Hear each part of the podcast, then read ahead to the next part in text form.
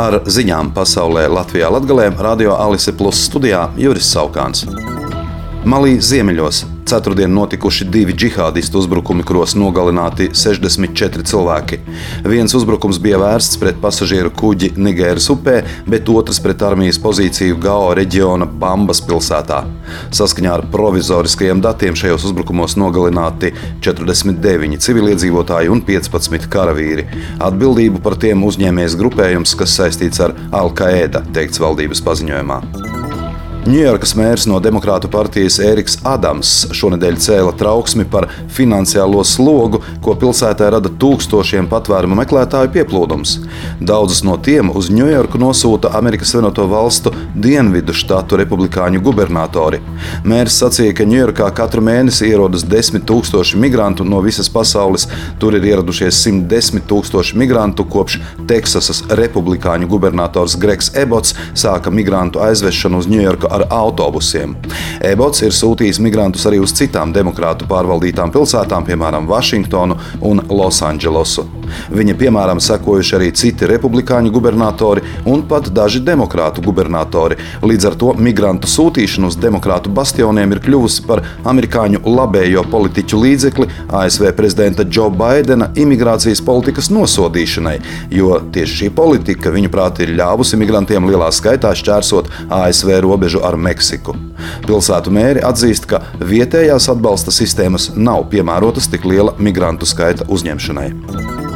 Kubas iekšlietu ministrija paziņoja, ka 17 cilvēki aizturēti aizdomās par saistību ar Krievijas cilvēku tirdzniecības tīklu, kas vervē vīriešus kara darbībai Ukrainā. Kubas valdība paziņojusi, ka strādā, lai likvidētu cilvēku tirdzniecības tīklu, kas darbojas no Krievijas, lai tur dzīvojošos Kubas pilsoņus un pat dažus no Kubas iesaistītu militārajos spēkos, kuri piedalās militārajās operācijās Ukrainā. Slimību profilakses un kontroles centra riska analīzes un profilakses departamenta direktors epidemiologs Jurijs Perevoščikovs pauda žurnālistiem, ka Covid-19 vīruss nekur nebija pazudis un šobrīd esot vērojams neliels tā pieaugums.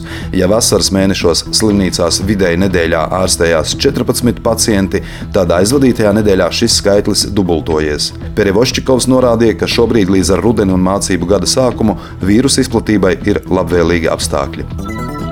Valsts policija informē, ka vakar Jēkabīlī kādam pilsētas sabiedriskā transporta autobusa šoferim policija konstatējusi 2,17 promīļu reibumu.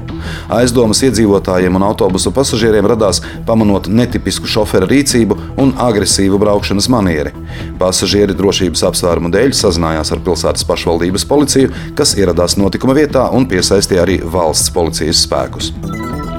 Šodien Daugopils Marka Rotko mākslas centrā notiek starptautiskās konkursa izstādes Martinsona balva 2023 atklāšana un apbalvošanas ceremonija. Šis ir Latvijas keramikas bienāles centrālais pasākums, kurā tiek paziņoti konkursu uzvarētāji un sadalīts kopējais balvu fonds - 20 000 eiro. Martinsona balva 2023 šogad saņēma līdz šim lielāko pieteikumu skaitu konkursa izstādes vēsturē. No 685 pieteikumiem pirmajai konkursa kārtai žūrija izvēlējās 64 darbus, jeb 22 darbus no Latvijas un 42 starptautisko mākslinieku darbus, pārstāvot 28 valstis, tajā skaitā Ķīnu, Taizemi, Čīli, Japānu, Austrāliju un citas. Valdība atzinusi par aktualitāti zaudējušu savulaik doto uzdevumu apvienot Daugopils Universitāti un Reizeknes Tehnoloģiju akadēmiju, izveidojot jaunu valsts augstskolu.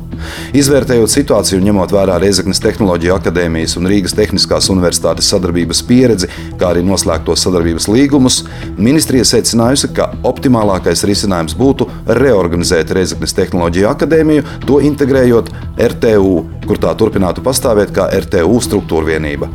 Reorganizācija līdz 2025. gada 1. aprīlim noteikta arī ar ministru kabineta šā gada 23. māja rīkojumu. Savukārt Daugopils Universitāte plāno nākamajā zinātnes starptautiskajā izvērtējumā pieteikt sevi kā zinātnes universitātes tipa augstskolu atbilstoši augstskolu likumam. Ar ziņām studijā bija Juris Saukāns, projekta Ziņas bez robežām pasaulē Latvijā Latgalē ietvaros šo ziņu izlaidumu finansē Mediju atbalsta fonds.